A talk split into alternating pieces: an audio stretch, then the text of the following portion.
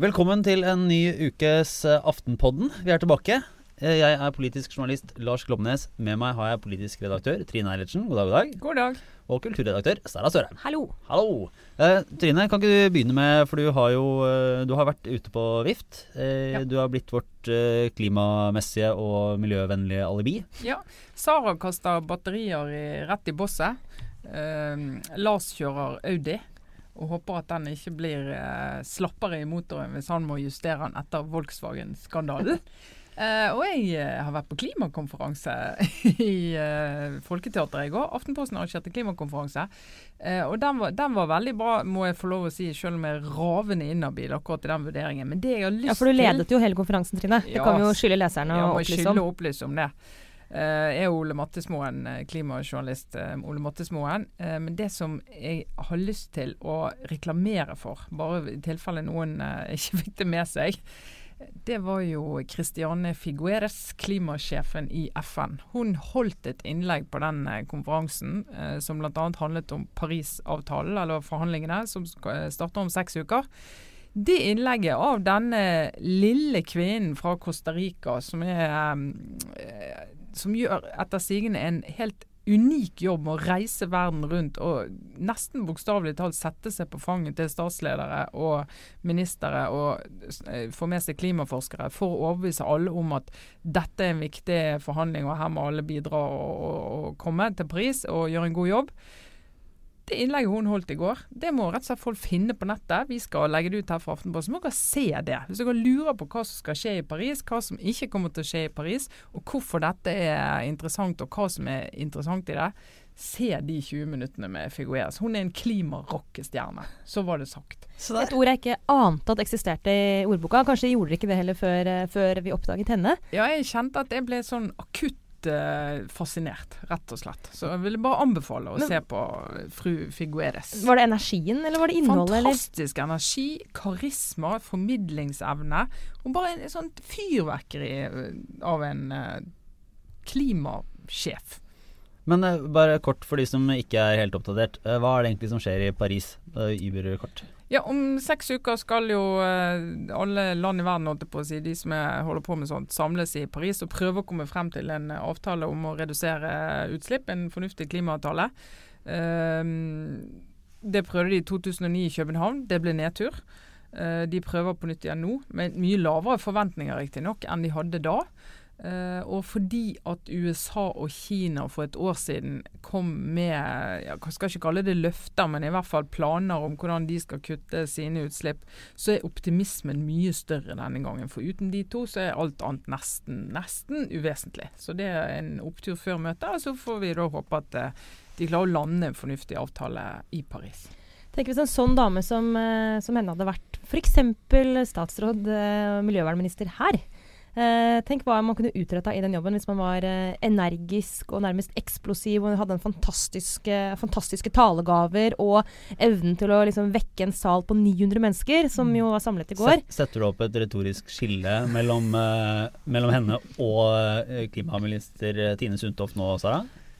La meg bare si at jeg, jeg tror ikke det er sånn eller jeg, tror det, det, jeg har ennå ikke sett at hun har fått 900 mennesker til å nærmest reise seg i en slags uh, orgasmisk applaus uh, knytta til klimaspørsmål. Mm. Ennå. Eh, hun, hun har jo ikke akkurat uh, så veldig gjennomslag, verken i offentligheten eller, tror jeg, heller i regjeringen. Så eh, det er litt synd at en så viktig sak ikke har en tilsynelatende en bedre talsperson i, i, i norsk politikk. Ja, altså En sånn sak trenger eh, en del karisma og energi og engasjement, i hvert fall. Det, det, det, er stor forskjell på eh, folks evne til å lytte til det ene og det andre, for å si det. Diplomatisk, for en gangs skyld. Men selv om Aftenposten har arrangert eh, klimakonferanse, og det er seks uker til verdens toppledere samles i Paris, så er det ikke det som har vært hovedtema denne uka her. Eh, Det har vel eh, fortsatt å gå i eh, flyktningkrisen og de økonomiske konsekvensene for Norge. Mm. Og Erna Solberg gikk på talerstolen i Stortinget og sa at det kan eh, koste mellom eller inntil eh, 40-50 milliarder kroner over de neste fem årene. Og advarte eh, alle de andre politikerne egentlig om at eh, nå blir det harde kår. Og trangt. Så nå er det bare å forberede seg på å sluke kameler og stramme inn på løftene. Hva betyr det både for, altså for høsten og så på litt lengre sikt? Ja, det, det, er to løp her. Det ene er å få landet et statsbudsjett for 2016 som tar opp i seg det vi ser kommer neste år. og Bare det kan jo bli en en sum som skal passe inn i det puslespillet det budsjettet er, som er veldig vanskelig å, å lande. Uh, og da blir jo diskusjonen Vi var inne på det forrige gang vi hadde podkast. Skal de bruke mer oljepenger? Det, noe av det løses sannsynligvis på den måten, men uh, noe av det må også løses med at andre ting de har lovet, enten skyves på eller strykes, eller Ja, og da er det jo noen som må gi opp en eller annen uh, hjertesak. men så på lang sikt og det merker vi jo på Arbeiderpartiet sin litt sånn ja, jeg vil si lite kantete, forbilledlig lite kantete reaksjon på det Erna Solberg sier. Eh, Enhver som skal ha ambisjon om å være statsminister i Norge de neste fem, seks, syv, åtte, ni årene, eh, innser at dette er en problemstilling som den, altså Jonas Gahr Støre, eh, skal dra med seg inn i sin eventuelle regjeringstid om et par år. Så han har jo interesse av at dette eh, landes på en måte som er til å bære for, eh, for eh, hans eh, mulige regjering i fremtiden også. Så det er litt interessant å se på. Sånn sett så kan kanskje regjeringen håpe på, eller kanskje forvente til og med lettere samarbeidsklima med opposisjonen, altså Arbeiderpartiet, enn med sine egne samarbeidspartier. Eh, som har vært veldig tydelige på, på det vi i tidligere i Aftenpodden har eh, omtalt negativt som sinnelagsetikklaget i, mm. i denne, denne, debatten. Jeg vet ikke, Nå kommer det til å handle om kroner og ører og bli dragkamp på en annen måte.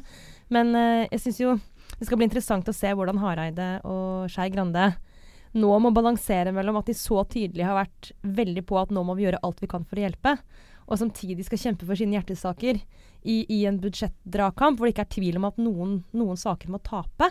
Det er ikke en enkel strategi uh, som, som, peker seg ut for dem heller nå i ukene som kommer. Rett og slett sånn taktisk. Hvor, hvor skal de legge seg hen? Hvor uh, harde skal de være? Et godt eksempel er jo bistandsbudsjettet. Skal du ta noen av eh, de pengene du trenger til å svare på flyktningkrise i Norge fra et bistandsbudsjett som egentlig er ment for å løse problemer utenfor Norge? Uh, I Sverige bruker de vel 20% av bistandsbudsjettet til det du kan kalle bistand internt i Sverige. Uh, I Norge bruker vi inn 8-10 som jeg hørte Erna Solberg sa.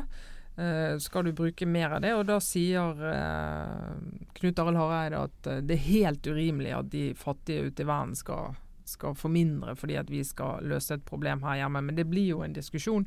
og Spørsmålet er jo hvor knallhardt han kan stå på det.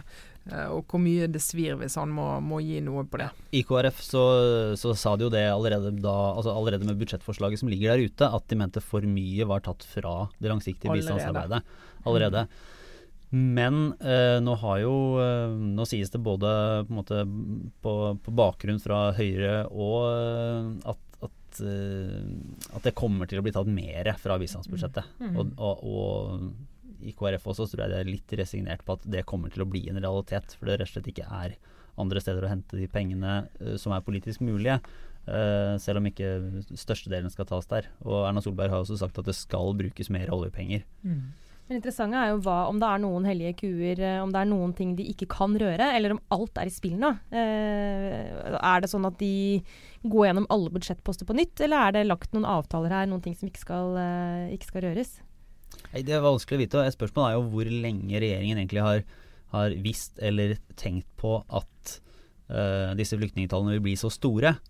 Uh, for, for, de har jo lagt fram da et budsjett som uh, Eller om de, om de, har tenkt underveis i budsjettprosessen at her må vi ha litt slack, her må vi ha, litt plass til å, til å endre ting dersom de verste anslagene slår til, eller ikke. Jeg vil jo anta det er mer en sånn analyse at de, har, at de har sett for seg at det kan bli vanskeligere enn det det det det har vært uh, gjennom sommeren?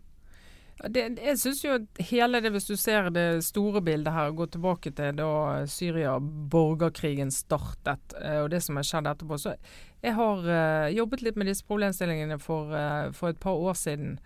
Uh, og snakket det med UDI da, og, det, og Utgangspunktet for at jeg jobbet med det, da, var at jeg var så overrasket over at flyktningstrømmen var så liten til Norge. Vi snakket om et par, tre, fire, 500 syrere som kom til Norge. Uh, og Jeg kunne ikke forstå det, for jeg så jo at det var høyere tall i Sverige, ikke i nærheten av det vi ser nå. Men da snakket de om det at dette, nå på denne tiden her, så flytter jo folk fremdeles rundt inne i Syria. Mm. Flykter rundt inne i Syria. De har ikke begynt å reise ennå. Eh, noe som må rime med at Syria tross alt var et land som fungerte relativt godt uh, før det raste helt sammen. Uh, og så reiser de til Sverige, for der kjenner de folk og kjenner folk. Men det, men det kan fort, altså etter hvert hvis krigen ikke slutter snart, altså hvis du ikke får en eller annen løsning innen i overskuelig fremtid, så vil vi se at flyktningstrømmen øker. Og det har jo ikke vært noe som har lignet på en løsning. Uh, siden den gang. Eh, og Derfor er det så rart at det ikke har vært tema i det hele tatt at det kunne skje. At flyktningstrømmen ja. ville øke. Så jeg tenker jo at det er litt sånn ja, du skal tenke eh, Ansvarlige politikere, ansvarlige bedriftsledere, alle skal jo ha langtidsstrategier. og Du skal ha et risikobilde, og du skal ha liksom ting på tavlen som sier hva kan skje som endrer alt det vi vet. og Dette er en type sånn ting som kan endre alt. Ja, Det virker veldig merkelig. altså det, Hvis jeg ikke husker helt feil, så ble det sagt fra regjeringshold at uh, dette budsjettet ble ferdigstilt i august. og Derfor kunne man ikke ta høyde for uh, den store ekstrautgiften. Men det virker helt eh, Akkurat det virker veldig rart. Fordi at eh, Greit du ikke vet på nøyaktig antall hvor mange som kommer, men det er nesten så jeg tror det Jeg kan nesten ikke tro at de i august satt og tenkte at eh, det er ikke sikkert det blir så veldig mye det, Dette kan kanskje gå helt bra. Det var vel åpenbart for de fleste da. Uh, også tidligere, egentlig gjennom hele året, så burde det vært mulig å forutse. Så, men det kan jo hende at de har gjort det, at det finnes, noen, at det finnes en plan. Men det er nesten uansett sånn at det er nesten som får litt vondt av, uh, vondt av dem at dem, altså i denne sammenhengen regjeringen nå, som får jo en, sannsynligvis en veldig vanskelig budsjettprosess også i år. Mm. Uh, I fjor var det jo i stor grad selvforskyldt, rett og slett. De møtte utrolig mye motstand og hadde unødvendige konflikter med sine egne samarbeidspartier utover høsten. Men uh, denne høsten her så hadde de nok ønsket seg en litt smoothere seilas. Det blir det nok ikke. Men det blir nok litt annen tone i kritikken enn det var i fjor. Ja. Uh, og ikke minst fordi at uh, Arbeiderpartiet langt på vei har en viss forståelse for en del av de valgene som, som Erna Solberg må ta. Da. Men det blir jo interessant å se det forholdet til uh, Frp. Denne her eh, berømte avkortningen for uh, gifte og samboende pensjonister som vi har vært litt Mange av oss har litt sånn henger på, fordi vi syns det er så absurd at det kan overhodet bli brukt 3 milliarder kroner i statsbudsjettet på det.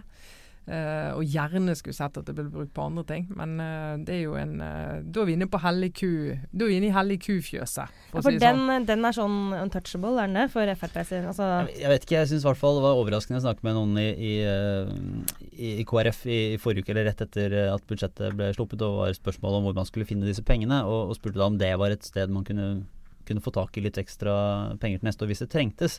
Og det er åpenbart teoretisk mulig, men også fra KrF så var det en sånn ja ja, vi må jo erkjenne at dette er noe de fikk gjennom i samarbeidsavtalen. Mm. Og dermed uh, så får man på en måte Ok, noen seire for hvert parti. Uh, det får vi la ligge. Uh, det var jo før Erna Solberg hadde kommet med sin 40-50 milliarders regning. Mm. så at den, at den, står helt freda, det har ikke jeg grunnlag for å si nå, i hvert fall. Men det blir spennende å se hva som skjer med den. Mm. Det blir tema i seinere sendinger òg, kan vi jo i hvert fall Det kan vi slå fast. Ja. Men eh, et annet eh, lite område som eh, vi også var, har vært innom tidligere, er jo eh, Telenor. Og ja. Eh, Monica Mæland eh, var jo på krigsstien i vår og klagde på at nye toppsjefen i Telenor, som ble Sigurd Brekke, ikke var en kvinne. Uh, og, og, at prosessen kanskje ikke hadde inkludert realiteten noen særlig kvinnelige kandidater. Uh, fordi man jo vil ha en jevnere fordeling. Og nå kom Telenor med sitt nye konsernledelsesteam. Mm. og da var det Tre av 21 kvinner.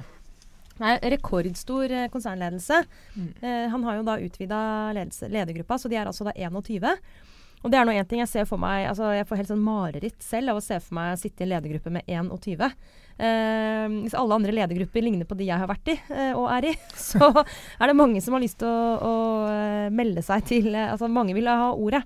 Eh, og det er umulig å se for seg at en gruppe på 21 skal være i stand til å være et reelt arbeidsfellesskap. Til sammenligning, Sara, hvor mange er det i ledergruppa i Aftenposten? Ja, det er jo altfor mange. Ja, det er altfor mange der, og for all del. Ja, vi er vel kanskje ti stykker eller noe, Trine? Rundt der. Ja, det blir fort det, altså. Ja. Så Proporsjonalt sett så er den vel så stor i Aftenposten, men uh, det finnes vel noen med reelle tall også. Ja, og så er det jo det som, For å ta det først, jeg syns Eva Grinde i Dagens Næringsliv hadde et veldig godt poeng når det gjelder det med, med ledergrupper og uh, hvor makten egentlig sitter. Men for å ta det først, fordi i en sånn eh, konsernledelse med over 20, så er det klart at du kan ikke ta opp alle ting i den gruppa. Det, må, det er ganske mye som må være avklart før, før saker kommer opp der. Eh, og eh, det er helt klart sånn at Sigve Brekke har nødvendigvis en gruppe rundt seg som han diskuterer strategiske spørsmål med. Eh, under Baksås så var det lettere å se at det var hans ledergruppe. Da var de, tror jeg, syv-åtte stykker. Eh, nå er det jo mye mer skjult, da. Altså hvor sitter makten egentlig? Og det eh, er mye pent å si om det grepet han gjør nå. Grunnen til at gruppa blir så stor, er at han tar inn alle sjefene for de forskjellige landkontorene. Altså Telenor i, i Thailand og Telenor i Bangladesh.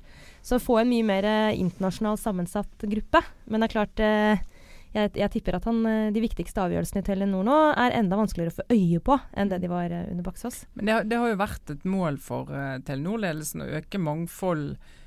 Det har helt sikkert vært det på kvinnefronten, men eh, også på, på den andre, andre dimensjonen av mangfold. Da? At de skulle ha folk i toppledelsen som kom fra andre land enn Norge. Mm. Eh, og det er jo altså, Selskaper som Statoil og Telenor som opererer ute i verden og har en helnorsk ledelse som alle har identisk bakgrunn. og altså, Du kan ikke holde på med det for lenge før det begynner å bli et problem. da. Men, så det er jo ganske sånn radikalt det eh, Sigve Brekke har gjort i den forstand. Men det som sier, en så stor ledergruppe, eh, hvordan i praksis de diskusjonene fungerer, det hadde egentlig vært litt interessant å komme litt på innsiden av det, altså. Mm. Uten at jeg tror jeg blir invitert. Men er det, du, blir, nei, du blir invitert overalt du vet du, Trine. Er, Nå kom du deg med i Bilderberger, så kan du ratt komme deg Ja, til Telenor. skulle Ja. neste er eh, ledermøtene i Telenor. Men, men er det virkelig bare sånn at, uh, at man da får en, eh, ja, en syvendedel kvinner? Er det, er det så få kompetente kvinner der ute at Telenor ikke klarer å hoste opp flere? Altså, det er jo helt uh, det, er, det er ikke bra nok når tre av eh, 21 er, er kvinner. Og så kan du si det er litt sånn vanskelig for Brekke også, fordi eh, han uttalte jo i sammenheng med denne, da dette ble kjent, at han, har, at han er ærlig opp, og åpen på at dette er ikke bra nok. Men jeg har valgt, sier han, de jeg mener er best rusta til å lede selskapet. Og så er han ganske bundet opp når han først bestemte seg for å, å gjøre landsjefene til en del av eh, konsernledelsen. Så satt jo det flest menn der. Men eh, Så jeg ser jo at han ikke hadde kanskje så stort handlingsrom akkurat nå til å faktisk få opp kvinneandelen. Men det som jo er eh, problemet, er at det syns så godt på toppnivå. Men arbeidet må jo begynne lenger ned i organisasjonen. Og det, det dette virkelig avslører, er jo at Telenor har vært i årevis dårlig på å bygge opp kvinnelige ledere internt. Ja, nå, nå har jeg noen enkelte kilder i Telenor som blir utrolig fornærmet når vi sier akkurat det der. Da. Det, skal jeg, det skal jeg nå formidle som en sånn slags tilsvar på vegne av de. Eh, for de mener jeg jobber veldig systematisk med det. Men, eh, men det som er over interessant å se, da, eller det er et par ting vi kan legge merke til. For det første vårt eget konsern, Skipsted. Eh, som jo er en bransje der vi også snakker om eh, mangel på kvinnelige ledere, og helt elendig rekrutteringsarbeid. Det må jeg si. Lederutviklings- og rekrutteringsarbeid i vår egen, egen gruppe er ikke så veldig imponerende. Uh, og det gjør jo at vi har jo en konsernledelse som er mannstung og maskulin, og det er veldig Altså det er veldig trege, treg endring, da. Det er jo ingen uh, skipsetaviser per nå som ledes av en kvinne, f.eks. Nei, men også på toppen rundt uh, Rolf Erik Ryssdal er det jo Nå sluttet Camilla Jarlsby, uh, juridisk direktør. Hun har jo sittet der som eh, en, lange tider den eneste i konsernledelsen. sånn at det er jo blitt eh, en mindre snarere enn en flere foreløpig. Får håpe endrer seg. Og så er det jo så er også Nettavisen var det vel som skrev om Elisabeth Grieg. Som jo er veldig rask ute med å kritisere Telenor. Det er jo bra at hun gjør det og bruker stemmen sin på den måten. Men går du i Grieg-gruppen, der er det jo nesten ingen kvinnelige ledere. Og da sier jo de det som alle sier, ja vi vet at dette er for dårlig og vi må jobbe med rekruttering. Eh, men de har jo da øyensynlig ikke gjort en god nok jobb lenge nok. For det er jo det dette handler om, at du jobber systematisk lenge nok over tid. Så når det faktisk blir endringer på toppnivå, så har du kandidater å ta av. Men hva sier det her om eh, Monica Mæland, som har stått og eh, ropt, hun blir blå i ansiktet, om at det må skje endring? Og så, så går det jo så, så sakte, tilsynelatende. Er, er, hun- er det bare en sånn Er det bare symbolsk, den Altså jeg, snakket, jeg snakket med konsernsjefen i, i, et annet selskap med statlig, stor statlig eierandel, og han uh, sa jo det at nei, det er klart, altså, departementet er generasjoner av næringsstatsråder som jo de forvalter disse eierandelene i, i uh, selskapene de, jo, de, sier jo sånt at uh, dette er vi opptatt av, dette vi andre på. Jeg tviler ikke på at de mener det. Men når vi blir kalt inn til møter til departementet, så sitter de der med lille listen sin, og så krysser de av. Ja, uh, jobber dere med, systematisk med likestilling og mangfold? Ja, sier vi. OK, check. Og så går de videre. Ja, og, og klima og HMS. Altså, det er ikke noe de, de, heller jobber ikke systematisk for å utfordre de selskapene de har eierandeler i på den mm. måten. Så der mener jeg de gjør ikke jobben sin som eier. det, det, er ikke godt nok som eier å bare stå sånn en gang i kvartalet og rope at dette burde vært bedre. Du må jobbe mer systematisk dag for dag der også. Det er ikke noe tvil om at uh, det sinnet til Mæland var nok helt uh, genuint uh, rundt prosessen rundt utnevnelsen av Brekke. Jeg tror Langt inn på SMK også så var det opprørte mennesker som du absolutt ikke tenker på som feminister i det daglige, som, som helt sånn mente at dette var en dårlig prosess. men problemet er at da er det allerede for sent, som Trine er inne på. Det er noe med å, å møte disse utfordringene før det kommer så langt at du står der og skal velge en toppleder, og faktisk ikke har kanskje da noen kvinnelige kandidater du kan ta av. Men uh, det er en langsom, nitidig og faktisk også strategisk prosess å bygge gode ledere. For du må jo starte med å finne talentene nesten helt Altså du må starte helt nederst i selskapet. Mm. og bygge, Vi snakker en, en prosess over flere år. Uh, og det er jo virkelig Det er ikke bare skipssteder til noe som er dårlig på det, det er jo faktisk generelt noe man er dårlig på. Så uh, det som er bra med en sånn sak som dette, er jo at det kan få næringslivsledere og andre ledere til å nok en gang få dette spørsmålet litt sånn top of mind. Vi starter med en knallgod sånn likestillingsmelding eh, fra barne- og likestillingsminister Solveig Horne. Ja, der lo vi begge så spontant, det skal vi ha. og meldinger også. Det er eh, ja. Nei, det er ikke de som forandrer verden, for å si det sånn. Den kom jo også forrige uke og fikk kritikk for å være fullstendig tannløs.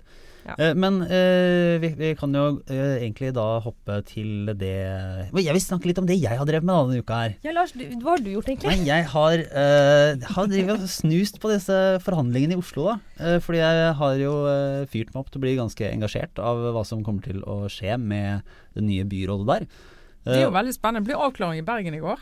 Ja, Hva har du si om uh, gammelkommunisten som blir ordfører? Nei, den gamle punkeren og RV-toppen uh, Mjøs, uh, Mjøs, Pedersen, hun tror jeg blir en spennende ordfører. trillingmor som vi toppet med når vi skulle beskrive henne i Aftenposten. Der går vi rett på morskapet igjen.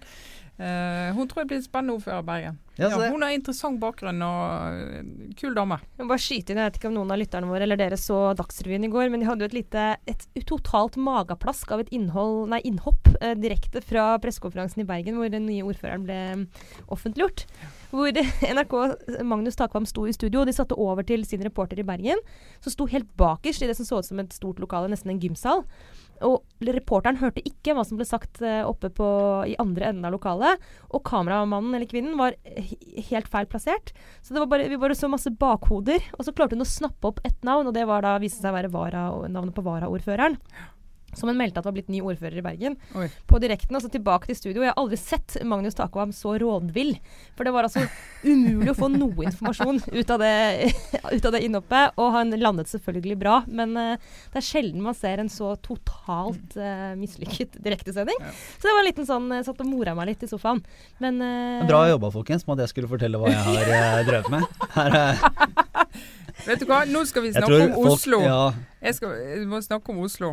Nei, fordi Nei, altså de, Det er vel ventet at uh, fredag uh, så vil uh, de tre partiene ta med en anbefaling til sine representantskaper. Og, og, etter det Aftenposten da erfarer, så går alt mot at det blir et trepartibyråd. Og Da hadde jo et lite journalistisk drama da på nå onsdag kveld. Eh, der vi la ut en sak fra Aftenposten om at nettopp lå slik an, og eh, om at hvis eh, det ikke skjer noe spesielt, så går det mot et trepartibyråd. Dere var litt forsiktige i uttrykket, som Aftenposten skal være, vel? Ja, ja. Det er vel viktigst vil jeg si at vi var ganske presise. Presise, eh, For så kom vi like etter TV 2 med en melding om at det ble at de var, at de var enige om å gå sammen i byråd alle tre. Eh, før det da ble avvist av partene. Så det var jo litt vanskelig å finne ut hva som, er, eh, hva som er fasit. Men en kan jo, etter å ha ringt rundt til folk i hele uka, så eh, kan en nok si at det ligger an til å bli et felles trepartibyråd. eh, som da blir lagt fram eh, for representantskapet på fredag, og som legges fram for offentligheten i løpet av helgen eller mandag. Med, Eh. all, med hvor alt er klart, med hvem som får hvilke poster Eh, nei, postene vil nok bli klar først på onsdag. Da, da skal nye bystyret konstitueres. Eh, og så blir det veldig spennende å se hvor grønt eh, og hvor rødt dette, altså byrådserklæringen blir. Og hvilke saker Miljøpartiet De Grønne faktisk har fått igjennom. Og i hvor stor grad de har blitt overkjørt av, eh, av Arbeiderpartiet. Det, det, eh, har du fått noe signal på det enn så lenge, Lars? Eh, nei, men det jeg har hørt som i og for seg er, det er helt logisk, eh, men fra, fra alle partier egentlig, er jo at eh, det antageligvis vil få en eh, Altså, de har fått mer gjennomslag på mye av det grønne. Fordi der har Miljøpartiet De Grønne kunnet bruke sin vippemakt til å sette alt inn på å få gjennomslag. Og så har SV vært med å støtte, for de også vil gjøre ting så grønt som mulig. Eh, og så uh, er det vel noen i, uh, i prosessen som har ment at, eller at man, det har vært litt vanskeligere å få gjennomslag for noen av de typisk røde sakene, fordi MDG har valgt å bruke sin uh, vippemakt og sin kapital først og fremst på miljø. Som jo helt riktig er MDG å gjøre. Ja, selvfølgelig. Det Det, er jo jo deres prioriter altså, prioriterte ting. Men jeg, jeg vil jo spørre litt hvordan du ser på det, Trine, om uh, hvorvidt SV står i fare for å miste eller for å uh, mangle profilerende saker, hvis MDG skal ta ansvaret for det grønne, og Rødt som skal stå på utsida med en avtale, vil få æren for mye av det røde. Altså Det har jo vært problemet i SV siden de satt i, i regjering med Arbeiderpartiet og Senterpartiet. Og I løpet av de siste årene i den regjeringen så mistet SV sakseierskapet sitt eh, til uh, miljøpolitikken og til skolepolitikken. Uh, miljøpolitikken uh, var jo det som skulle være det nye og moderne SV sin hovedsak, og det gikk jo veldig bra ganske lenge. Og så har det forsvunnet. Og Det blir ikke så lett for de å, å gripe tilbake igjen sakseierskap på en så egentlig fordi mobiliserende sak eh, som miljøpolitikken er, når, eh, når de sitter i en sånn posisjon med De grønne. Eh, og det blir, eh, det blir interessant å se, altså, hvordan, for de har gjort det ganske bra i en del av de store byene. I Bergen har de gjort det kanonbra uh, i dette valget. Uh, og I Oslo kommer de jo da i byråd. Uh, Så de har jo alle muligheter til å få vise frem eh, på ulike måter. Men eh, det er dødens posisjon for SV når de har sånn konkurrent, og har ligget egentlig og bare sett de grønne gå forbi uten å greie å møte det ordentlig. Det blir ekstremt viktig for dem frem mot uh, stortingsvalget å se om de likevel klarer å markere seg i Bergen og Oslo. Hvis ikke de gjør det, så, og ikke gir uh, partiet noe drahjelp eh, nasjonalt gjennom det, så blir det en tøff, uh, det blir en tøff valgkamp for SV. Det blir det vel uansett, men det, blir, det, det, er, er ikke, det er ikke lett å se for seg hva som skal være vinnersakene i, i 2017 akkurat nå. Og så kan vi jo se neste Hvis alt da går som, eh, som eh, jeg da har spådd, så vil vi jo kunne gå gjennom i neste podkast. Så kan vi jo se på hva både byrådserklæringen er, og hvem som sitter i Oslo-byrådet. Og det er ålreit. Det kan, vi, eh, det kan vi kose oss litt igjen over. eh, Det er jo gøy med de store linjene i politikk, men det er jo ekstra gøy med folk. Med folk, ja. ja. Og Da kan vi jo bruke tid på at det er to forskjellige modeller i Bergen og Oslo. Arbeiderpartiet tok makten i begge byene, men det er to forskjellige styringsmodeller som også kan peke frem mot 2017. Men det Altså- tar vi ikke nå. Nei, nei. Og så kom jeg på at jeg egentlig så kunne jeg hørt uh, Vi som er opptatt av bergenspolitikken, ville jo burde nesten hatt en spesialutgave på nyordføreren for, for å på en måte eh, forstå om hun kan eh, ta opp eh, stafettpinnen etter de tidligere ordførere. Men eh, Trine, det tar vi eh, en annen gang. Etter et dypdykk. Ja, etter når første skandalen treffer Bergen som en flodbølge, så eh, Vi Så går vi inn i det. vi snakker timer. ja. Men eh, nei, så da kan vi egentlig nærme oss en avslutning med en utrolig sterk anbefaling eh, fra min side. Eh, fordi hvis det er noe man skal gjøre i dag, i, i morgen, eh, hvilken som helst dag, så er det å gå og finne fram til den lille videosnutten av London-ordfører Boris Johnson, konservative politikeren med en svært eh, god retorikk, som av en eller annen grunn var i Japan eh, for å spille rugby med noen barn. Og den tar hele den der babyløfting og hilsing til et helt nytt nivå. Når du ser den gamle sånn, privatskoleeleven plukke opp en rugbyball, løpe mot en tiåring og smelle inn i ungen så den går i bakken begge to. Og fullt drama. Da snakker vi 150 kilo Boris og Veldig mye 25 kilo tiåring. Ja, ja. Tiåringen var raskere på beina enn det Boris var. Det Eh, var Men eh, sikkert. åpenbart preget av sammenstøtet. Han fikk skikkelig vondt. Eh, Det var bare hans tapre japanske oppdragelse som hindret han fra å begynne å gråte. Den lille stakkars gutten. Og det får jo det får meg nok en gang til å tenke at heldige er de som jobber med journalistikk og politikk i Storbritannia. De har altså et, et kabinett av personligheter som befolker politikken der, som vi bare kan skyte en gullpil etter. Ja, hvis, Johnson er en av dem. hvis ikke du kan dekke politikk i Bergen, så er England en eh, Storbritannia en god nummer God to. nummer to. Ja. Nei, men eh, med det så får vi vel takke for oss for denne uka, og gleder oss til å komme tilbake neste uke. Eh, Sara Sørheim, Trine Eilertsen og meg, Lars Glomnes. Ha det bra.